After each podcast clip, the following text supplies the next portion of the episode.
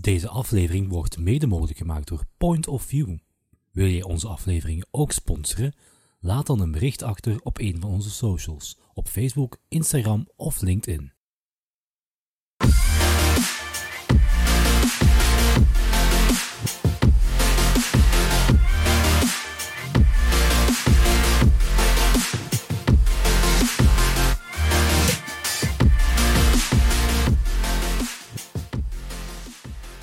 De volgende gast die we, of gasten zal ik liever zeggen, die we uh, bij ons hebben gehad, is uh, Sanne Schroten van Supura.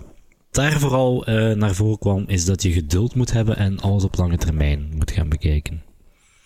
Ja, inderdaad. Um, volgens mij zei ze het in de zin van geduld op lange termijn, maar op korte termijn moet je natuurlijk wel zorgen dat de dingen gedaan worden. Mm -hmm.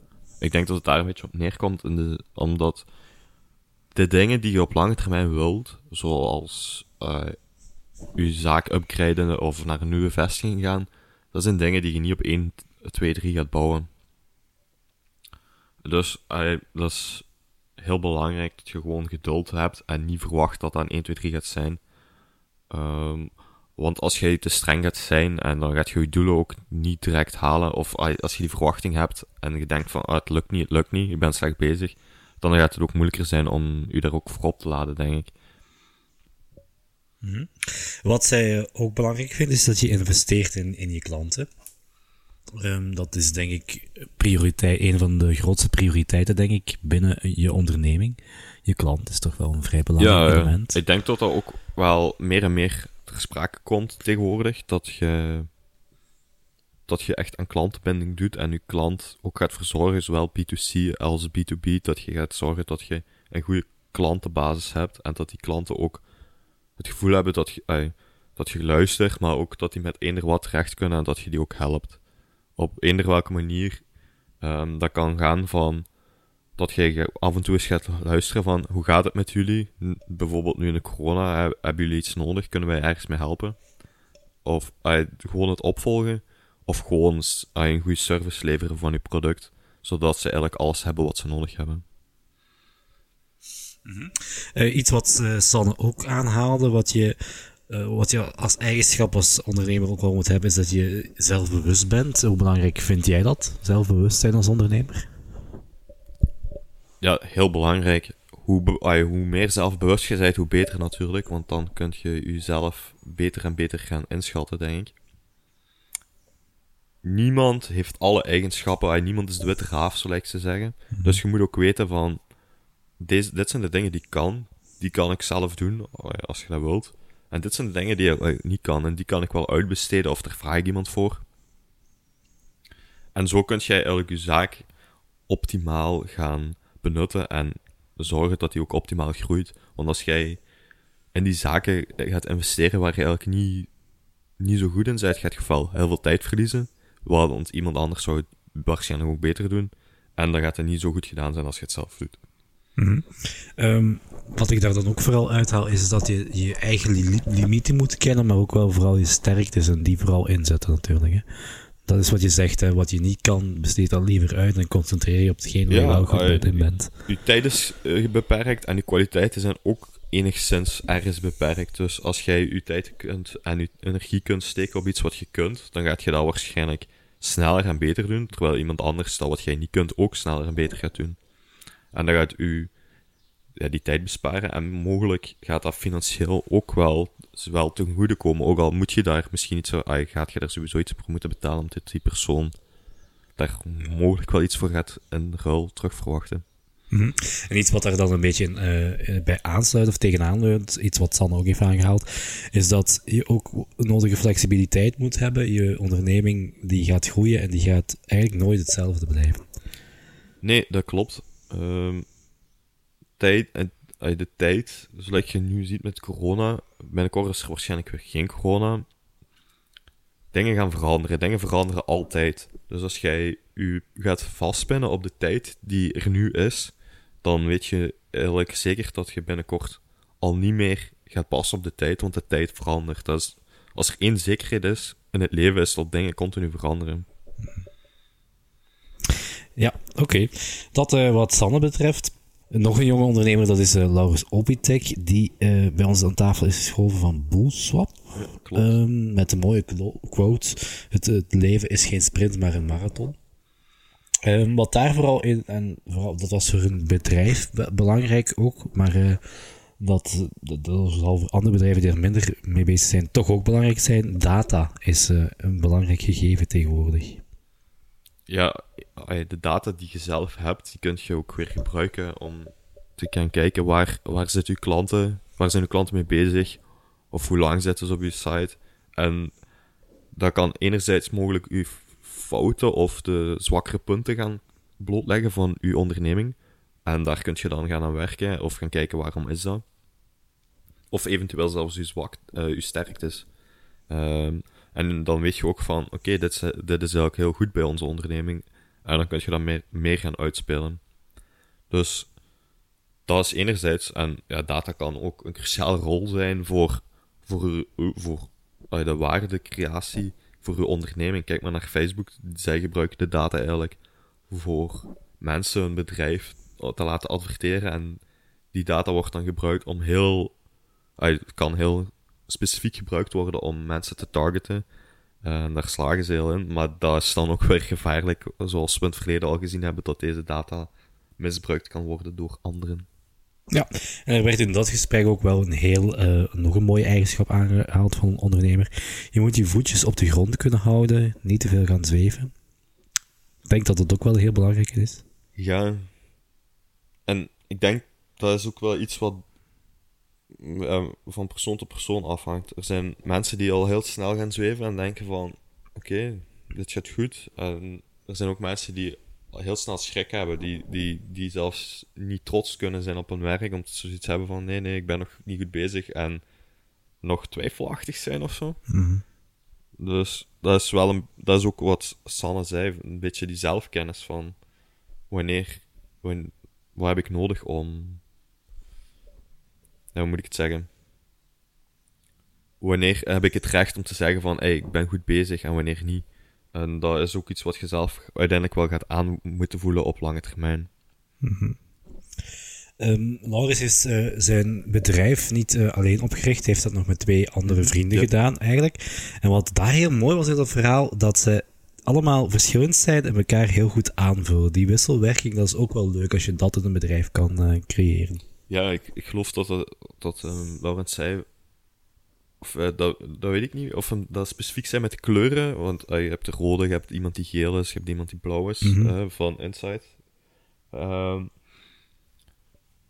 dus iedereen heeft wel zijn eigen eigenschappen. E, de ene is meer punctueel met cijfertjes bezig, de andere is dominant en heel gepassioneerd.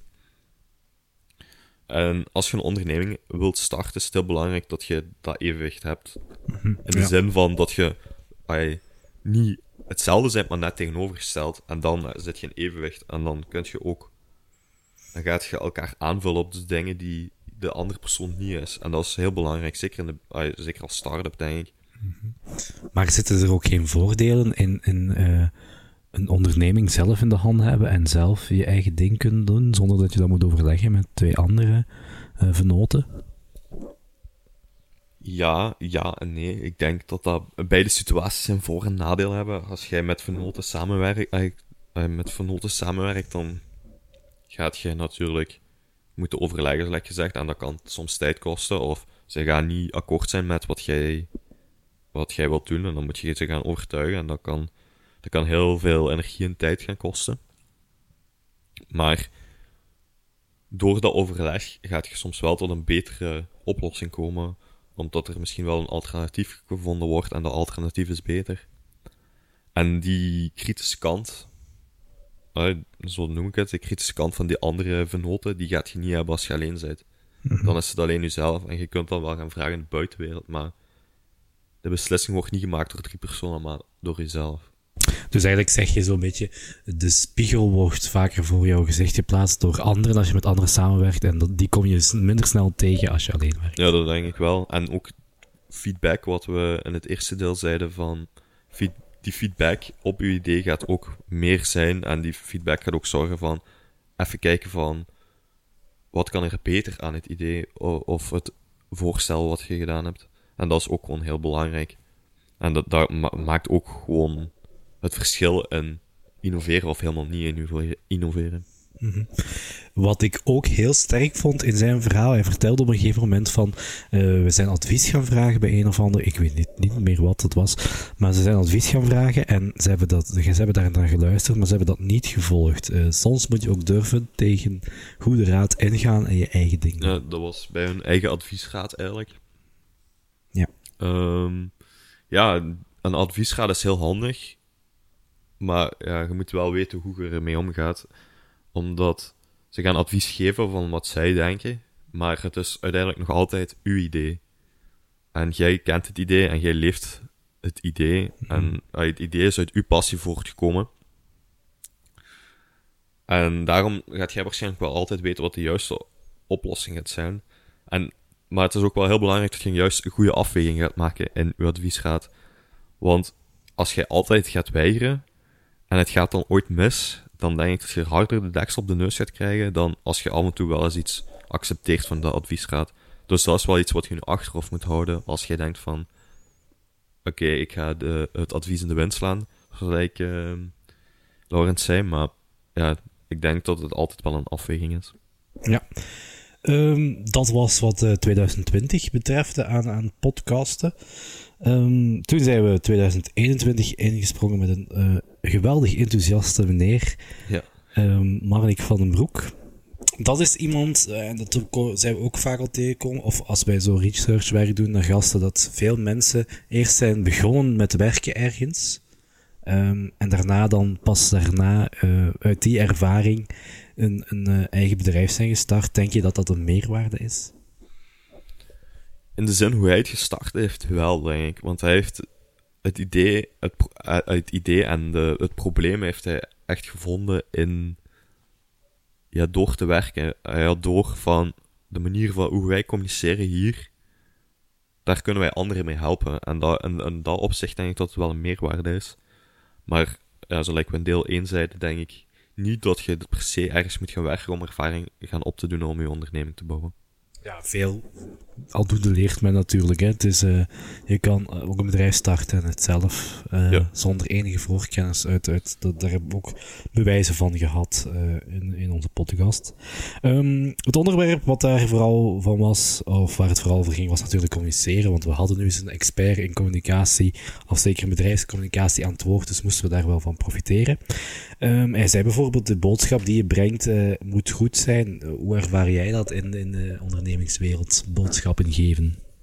Boodschappen geven, ay, boodschappen geven, zoals hij zei, zit overal in. Het is like hij zei van, we zitten hier nu en met onze lichaamstaal geven wij al een, een signaal van of we geïnteresseerd zijn of niet natuurlijk.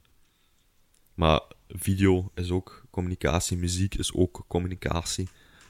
Niet per se in woorden, maar in de zin van emoties soms of andere vormen van communicatie. Mhm. Maar in de ondernemingswereld is het wel gewoon van.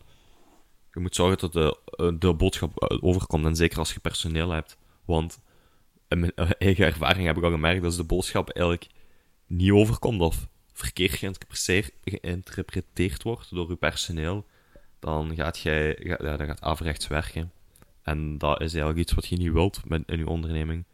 Mm ja, haalt er wel een heel mooie aan, over personeel gesproken.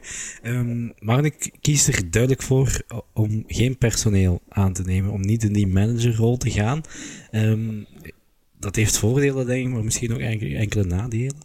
Ah, het is een bewuste keuze, zoals ik zelf toen al zei. Van, ik, als ik ervoor wil kiezen, kan ik, kan ik het waarschijnlijk wel doen. Maar hij doet zijn job zo graag. Hij is zo gepassioneerd om het te doen dat hij ervoor kiest om het zelf te doen. En dat is ook wel het mooie eraan, vind ik. Maar ik denk wel dat ik zelf meer, meer geïnteresseerd ben om het bedrijf echt te laten groeien en ja, meer zo'n managerrol op te pakken en leiding te geven. Maar dat is ook wel iets waar je als starter misschien wel even moet bij stilstaan. Wat, wat, wat is het doel? Waar wil, ik, waar wil ik als persoon naartoe? Wil ik, wil ik gewoon mijn ding doen en fun maken, of ay, fun maken. Gewoon mijn werk doen wat ik heel graag doe.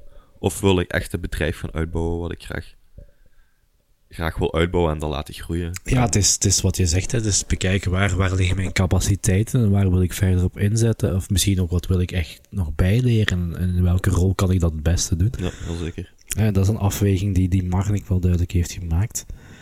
Um, die, Marnik was een hele positieve kerel. Hè. Hij zei ook van um, um, dat je beter niet kunt denken dat het niet beter kan. Er is altijd een, een uitweg, zeg maar. Zie jij dat ook zo in het ondernemen? Ja, ik volg hem daar eigenlijk wel volledig in. De, als jij gaat denken van, ik kan het niet, ja, hoe moet je het dan wel nog gaan kunnen als je, als je al zo denkt? Je moet erin geloven. En dat is gewoon heel belangrijk. Als je erin gelooft van het kan, dat is al een eerste begin.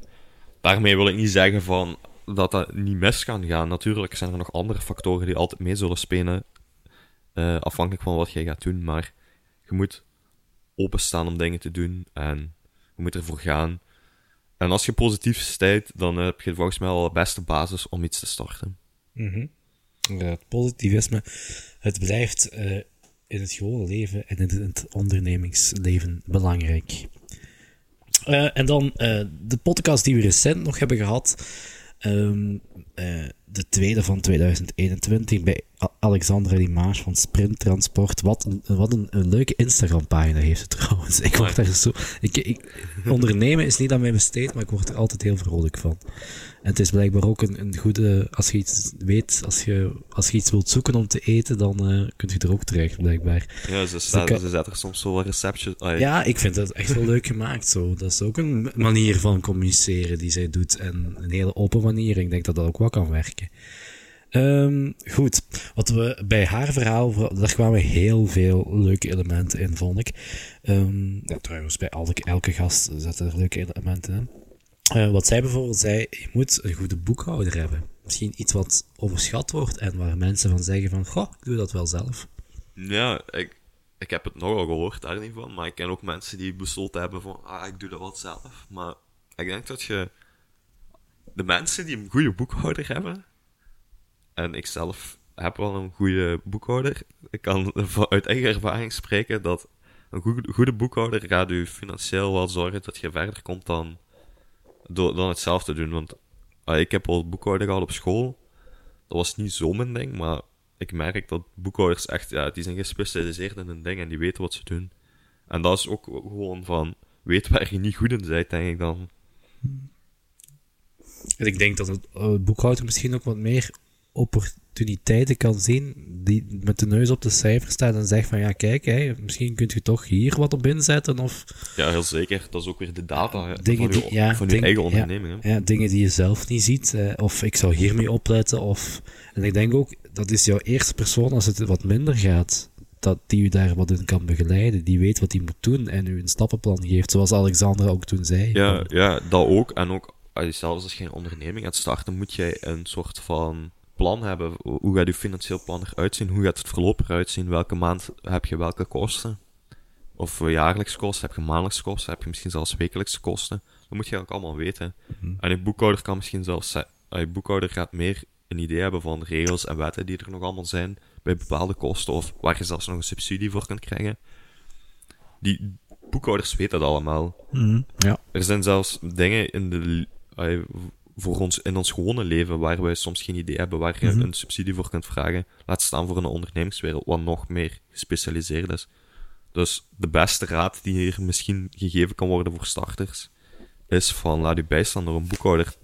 Die, die kost die gaat u misschien afschrikken in het begin, maar dat is echt iets dat zich op lange termijn wel gaat uitbetalen. Mm, inderdaad. Ik denk dat bij veel geld laten we links liggen door alles wat wij niet weten. Ja, er zijn subsidies en meer achter sportjes, denk ik, dan we zelf weten. Ja, Oké, dus een goede boekhouder in dienst nemen, dat is een hele goede tip in ieder geval al. Um, ze zal er zelf misschien niet echt tevreden mee zijn dat we dit nu gaan zeggen, maar ik merkte in het verhaal van Alexandra, het was goed bedoeld, ze begint een, bedrijf. Um, en ze hadden daar een heel goede visie over uh, op het bedrijf waar ze toen aan werkt, eh, in werkte, hoe dat allemaal beter moest en mhm. kon. En dat heeft ze denk ik ook wel goed gedaan. Maar ik denk dat ook wel dat er een kleine vorm van onderschatting zat in dat verhaal. Van wat er allemaal op haar afkwam. Um, is onderschatting een van de grootste valkuilen voor een startende ondernemer? Hmm, interessante vraag. Onderschatten.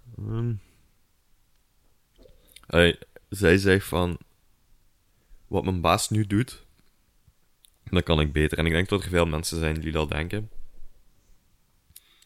Maar de mensen die dat denken, die gaan nooit de details zien van wat die baas mee bezig is. En dat is eigenlijk waar zij nu zelf op uitgekomen is. Om, maar om er verder op in te gaan, onderschatting is het in zekere vorm wel, maar er zullen altijd problemen gaan opduiken die we niet voorzien hebben. Hmm. Dat wordt bij ieder ondernemersverhaal zult je dat tegenkomen. Mhm. Ehm, dus in onderschatting in zekere zin wel, maar ja, ik, eh, als je het niet doet, kun je er ook nooit achter komen en je moet het gewoon doen. En als je een echt ondernemer bent, dan zult je daar altijd wel uiteindelijk nog het beste van maken, denk ik. Ja, inderdaad. Ehm, wat, zij heeft heel veel crisissen doorzwommen. Ehm, de bankencrisis vroeger, in 2008, toen is ze pas gestart en daar heeft ze heel veel eh, te maken mee gehad. En nu ook de coronacrisis. En Maar daar heeft ze wel heel wat connectie gezocht met haar werknemers. En luisteren naar je werknemers is daar een heel belangrijk punt in. Ja, heel zeker. Ze zei, ik weet niet of ze het in de podcast zei of voor de podcast, maar als, zij, als er een aankoop moet gebeuren, dan vraagt zij gewoon op de werkvloer vloer, rechtstreeks van, hebben jullie nog iets nodig? En ja, de werknemers geven al heel snel aan van, ah nee, alles is oké, of ja, we hebben eigenlijk dit nodig. En dat is veel beter dan iemand die even een kantoortje helemaal achteraan gaat kijken van, ah, nu zal dit wel even nodig zijn, of ah, nu hebben we dit nodig. Dat is totaal iets anders, like zij, zij gaat echt tussen de werknemers. En de structuur van het bedrijf verandert daar ook heel hoog, dat het niet zo helemaal top-down is. En dat is ook wel iets wat we meer en meer gaan zien, volgens mij, eh, de dag van vandaag. Ik, eh, ik zie het meer en meer terugkomen in bedrijven of in boeken die ik lees, dat zij dit gebruiken omdat het gewoon ook kosten gaat besparen of onnodige aankopen. Ja, en ze ziet haar werknemers ook niet als een nummer. Hè. Dat, dat viel me ook op. Ehm, op haar Instagram. Ze betrekt iedereen. Ehm, Ze ja, behandelt die bijna als familie. Dat ik denk dat dat ook wel belangrijk is. Dat je je werknemers niet als nummertjes ziet. Ja, zeker. Want dan voelt je ook... ah, Het, is persoonlijker in de eerste plaats. Je voelt dat je telt. En dat, dat voelen dat je telt is volgens mij heel belangrijk. Dat je, dat je waarde hebt. Ik denk dat iedere persoon die wilt voelen dat hij bestaat en een reden heeft om te bestaan. En als die dat niet heeft in zijn bedrijf, ja, dan gaat hij ongelukkig zijn. Inderdaad. Ehm, iets wat nu minder kan, of eh, toch beperkter kan, is eh, netwerken. Maar netwerken, dat is zeer belangrijk. Ja, inderdaad. Ehm, ja, zoals ik, ik al gezegd heb, als wij nu gewoon hadden kunnen netwerken, dan, eh, dan hadden wij waarschijnlijk... dan hadden de ondernemers die in de podcast gezeten hadden misschien wel... Ja, dat was misschien wel iemand anders geweest, omdat we dan ergens geweest waren en waar we konden zeggen van... Oh ja, uw verhaal is wel interessant, wilt jij niet bij ons komen zitten? Terwijl wij nu hebben we echt via social media en de manieren die er nu zijn, mensen moeten zoeken.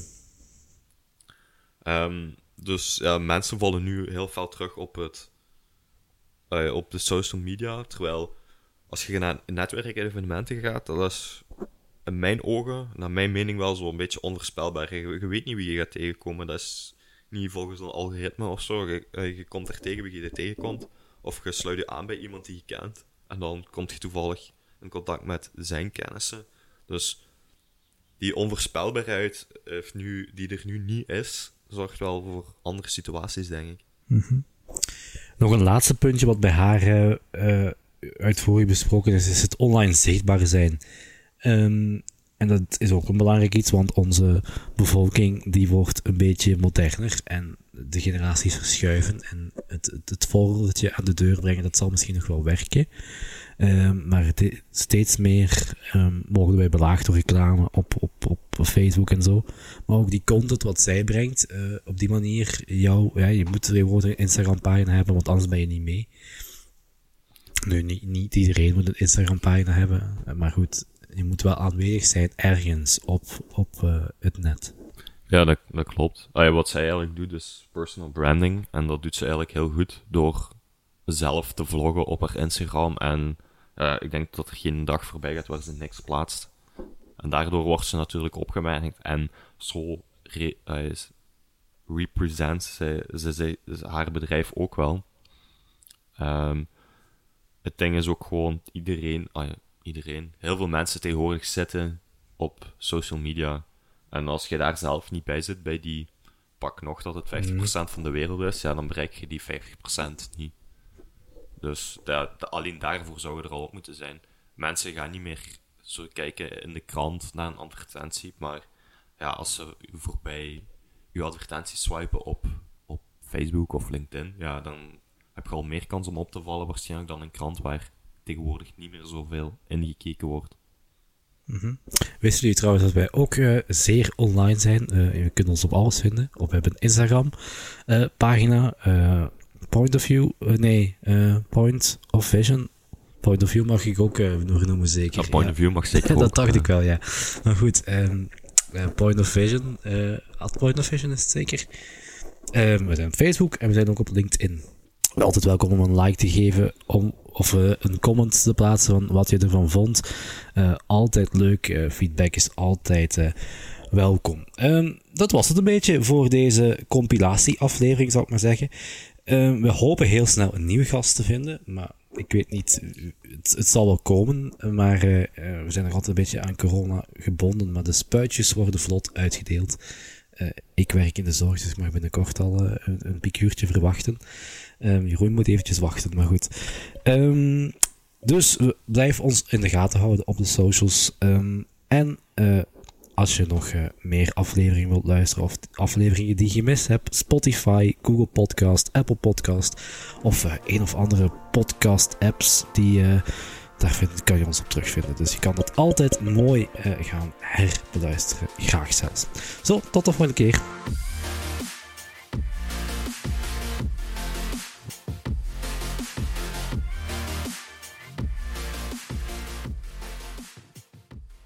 Vond jij dit nu een interessante podcast? Volg ons dan via onze Insta of Facebook en abonneer of volg via YouTube en Spotify.